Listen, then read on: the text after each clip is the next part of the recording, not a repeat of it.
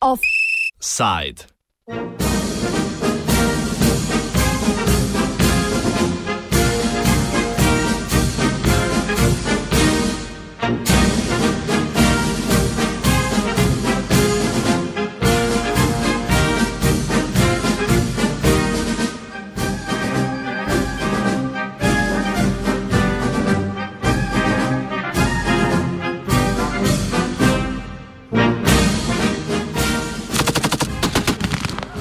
Odločitev o poklicni karieri je ena izmed zahtevnejših in pomembnejših. Pridružite se slovenski vojski in si potrdite, da zmorete in znate odločiti, kje boste v prihodnje uresničevali svoje ambicije. Naredite prve poklicne korake in postanite del organizacije, ki omogoča realno prihodnost. Če vas zanima dinamično in razgibano delo ter pisarna v naravi, se nam pridružite. Več na www.postanjujak.si.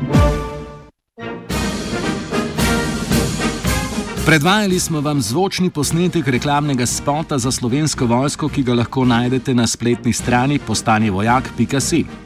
Očitno je, da obljube o realni prihodnosti, dinamičnem in razgibanem delu ter pisarni v naravi niso zadosti, da bi se dovoljšne število mladih odločilo za poklic vojaka. Prav neuspešnost to vrstne strategije novačenja mladih je namreč v ozadju včeraj najavljene ustanovi, ustanovitve delovne skupine za popularizacijo vojaškega in policijskega poklica.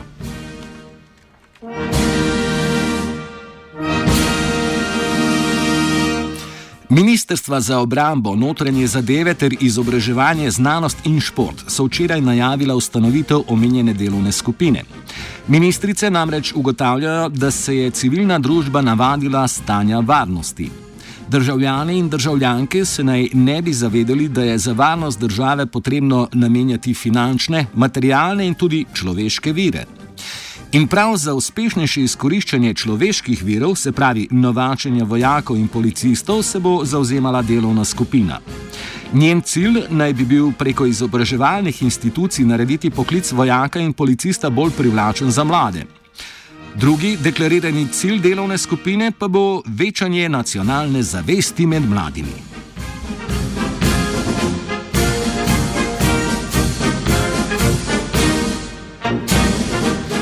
Razen skopega sporočila za javnost, ministerstva niso predstavila konkretne oblike sodelovanja med šolskim in represivnim aparatom, a kontekst, v katerem prihaja do tovrstne pobude, je jasen. Po eni strani se vojska vse od ukinitve naborništva leta 2004 sooča s pomankanjem zanimanja za vojaški poklic. Po drugi strani pa je bila v javnost nedavno ponovno plasirana ideja o naborništvu. Napoved o ustanovitvi delovne skupine za popularizacijo vojaškega in policijskega poklica komentira Tadej Troha z Filozofskega inštituta ZRC SAZU.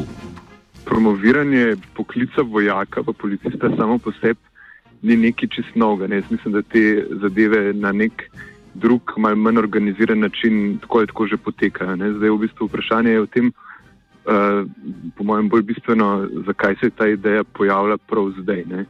Eh, in zakaj je bila formulirana to, to sporočilo za javnost na način, kot je bilo formulirano, in zakaj je zato, kljub temu, rekel, da je bilo samo objavljeno na strani Ministrstva za obrambo, eh, zadeva takoj prišla v medije. Eh, pač tle se mi zdi pomembno, pomemben podatek, ki se da ta ne, v tem sporočilu za javnost, ker omenijo, da od leta 2004, ko smo naborništvo opustili, ne, da od takrat pač ima uh, vojska, če skratim, probleme s tem, kako dobiti dost vojakov. Uh, in je pač očitno, da je ta zadeva prišla kot neka reakcija na, uh, na potezo še enega pač koalicijskega partnerja, se pravi na Rjavčevo pobudo naborniškemu ponovni uvedbi naborniškega sistema. Ne? Uh, in tle, se vidi, da so se pol, uh, skupaj pač postavili, uh, se pravi, nek malce mehkejši SMC, ne, se pravi, ministr za izobraževanje, znanost in tako. Um, bolj trd SMC, Vesna Gerkeš in uh, SD, ne, Andreja Katič. Se pravi, da so v bistvu vse koalicijske stranke, tako rekoč zdaj, uh, vsaka na svoj način upletena v, v to uh, neko na novo iznajdeno nujno potrebo potem, da mi na področju vojske, predvsem mislim, da je policija bolj kot ne ima nalepljena zraven, no, da na področju vojske pač tukaj nekaj naredimo in da nam bo ta, na ta način razrešena neka kriza identitete zaradi mene, uh, ki jo pač uh, Slovenija v tem trenutku naj bi imela in jo pač verjetno tudi dejansko ima, ne, ampak uh, iz posem drugih razlogov. Če povzamemo, Troha razume napoved ustanovitve delovne skupine kot reakcijo na debato o ponovni uvedbi naborniške vojske, ki jo je v javnosti sprožil ministr za zunanje zadeve Karol Rjavec. Nekoliko drugačno perspektivo pa ponudi sociolog Gorast Kovačič. Povod za ustanovitev delovne skupine naj bi bila napačna interpretacija dejstva, da preprosto premalo mladih izbere poklic vojaka ali policista. Ja, to razumem kot nesporazum kot, kot pravzaprav uh, napako v presoji, kaj je vzrok za to, da slovenska vojska zelo težko dobi uh, vojake in ima nezasedena delovna mesta. Uh, ta pobuda izhaja iz predpostavke, da gre za problem vrednot, da gre tako rekoč za pedagoški problem, da so mladi premalo patriotistični in podobno in da je treba tu upraviti neke vzgojne napore, da, da se bodo potem ljudje bolj množično odločili za vojaški poklic. Ampak um, pobudniki, to so tri ministrstva, med njimi eno vodi tudi ekonomistka, bi morali predvsem razumeti to, da je slovenska vojska eden od ponudnikov na trgu delovne sile, da trg delovne sile funkcionira in da eh, je problem tega ponudnika v tem, da ponuja preprosto preniske plače.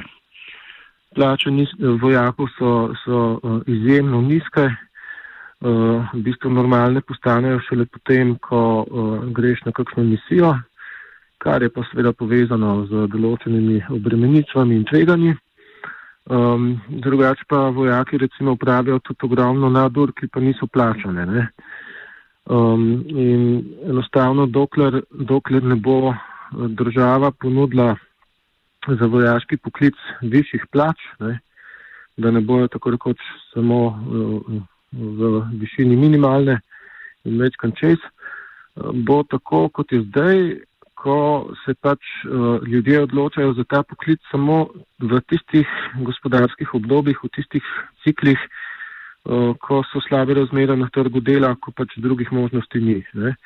Se pravi, kadar je recesija, eh, takrat vojska pridobi eh, približno dovolj kadra, kadar je ni, pa kadar beži ven. Tisti, ki se odločajo za vojaško službo, so pa, milo rečeno, nenavadni profili ljudi. Medtem ko je ideja o ponovni uvedbi naborništva ponekod tudi v delu Združene levice požela simpatije, pa je bila napoved ustanovitve delovne skupine za promocijo poklicov vojaka in policista dočakana precej negativno, več troha. Izpade, kot da je, tale, eh, ta, skratka, da je ta um, poteza, če rečemo, v primerjavi s tem, kako pozitivno je bila sprijeta v resnici tista Rjavčeva. Rjavčev predlog je ta poteza, če gledamo recimo spletne komentarje pod, pod novico, uh, naletela na uh, na absolutno negativen odziv ne? in bi lahko sklepali, da je to eh, neka, ne samo da je reakcija, ampak neka predvsem impotentna reakcija, iz katere ne bo nič. Ampak jaz nasprotno mislim, da je, da je, um, da je s to potezo se v resnici pokazalo, kaj tudi se bo iz tiste ideje o naborništvu tudi zares izcimelj. Skratka, mi eh, težko verjamemo, da bomo mi zares dobili naborniško vojsko. Eh, bolj se mi pa zdi, da se bo ustvarila situacija, v kateri eh, bomo izbirali samo še med eh, idejo naborniške vojske ali pa pač to idejo, eh, kjer, bomo, kjer bojo mladi fanti in dekleta pač na nek mal bolj, eh, na, rekel, na mal bolj mehek način začeli uh, stopati skupaj, kreirati neko nacionalno zavest, uživati ob petju himne, recitiranju domovinskih pesmi, salutiranju zastavi, itd. ne pač kar koli se že to zgodi. Uh, pa tudi če bojo brali, ne vem, na mest uh, kakšnih militantnih pesmi, ne vem, zaradi mene tudi, če bojo brali Toneta Pavčka, pa bo stvar še vedno enaka, če bo predstavljena pač na ta način. Ne. Jaz se bolj bojim tega, da bomo na koncu pristali pred tem, da bomo uh, obdržali NATO, uh, obdržali profesionalne vojake uh, in mogoče zraven dobili še neko, še neko strukturo mladih ljudi, ki bojo v vojsko uh, si želeli iti, pa predvsem si bojo želeli verjetno tja iti iz res čist pravih namenov, uh, da bojo se vem, uh, lahko streljali v končni fazi ali pa pač samo uživali v tem, uh, ko bojo pač uh, pravi slovenci. Če si dovolimo potegniti enačaj med nenavadnimi profili ljudi, o katerih govori Kavačič, ter pravimi slovenci s puškami, ki jih omenja Troha, lahko trdimo, da se njuni stališči razlikujeta prav v možnih učinkih včeraj napovedane strategije treh ministrstv za povečanje zanimanja za vojsko in policijo. Medtem ko je za Kovačiča strategija rezultat nerazumevanja, pa rožljanje z naborništvom razume precej bolj politično pragmatično in ne povezano z ustanavljanjem delovne skupine. Jaz mislim, da je vse to in, in zdraven še uh, militarizacija begunskega vprašanja, da je to preprosto oblika populistične politike, da gre za poskus, kako bi vlada preusmerjala pozornost voljivcev od tem, ki voljivce zares skrbijo to je pa socialno vprašanje, eh, razmere na trgu dela, prekarizacija mladih, nedostopna stanovanja. Skratka, da bi eh, od teh življenjskih tem preusmerila pozornost k nekim varnostnim temam um, in, in zato skušajo prikazovati varnostne probleme tudi tam, kjer jih ni. Uh, ali pa celo uh, skuša vem, ustvariti neke grešne kozle, proti katerim bi se ljudje mobilizirali, uh, in bi potem bili bolj navdušeni nad, nad vlado, ki nastopa z militarističnimi ukrepi. Tako da, um, ampak jaz mislim, jaz mislim, da v resnici ljudje tega ne kupijo in da bo, da bo ta vlada pač slejko prej soočena z nizko podporo na volitvah uh, in seveda tudi naslednje. In uh, na dolgi rok enostavno, jaz mislim, da so slovenski voljivci večinoma preveč pragmatični, da bi, um, da bi uh, lahko pristali na to, da je militaristična politika zamenjava za politiko reševanja konkretnih življenjskih problemov.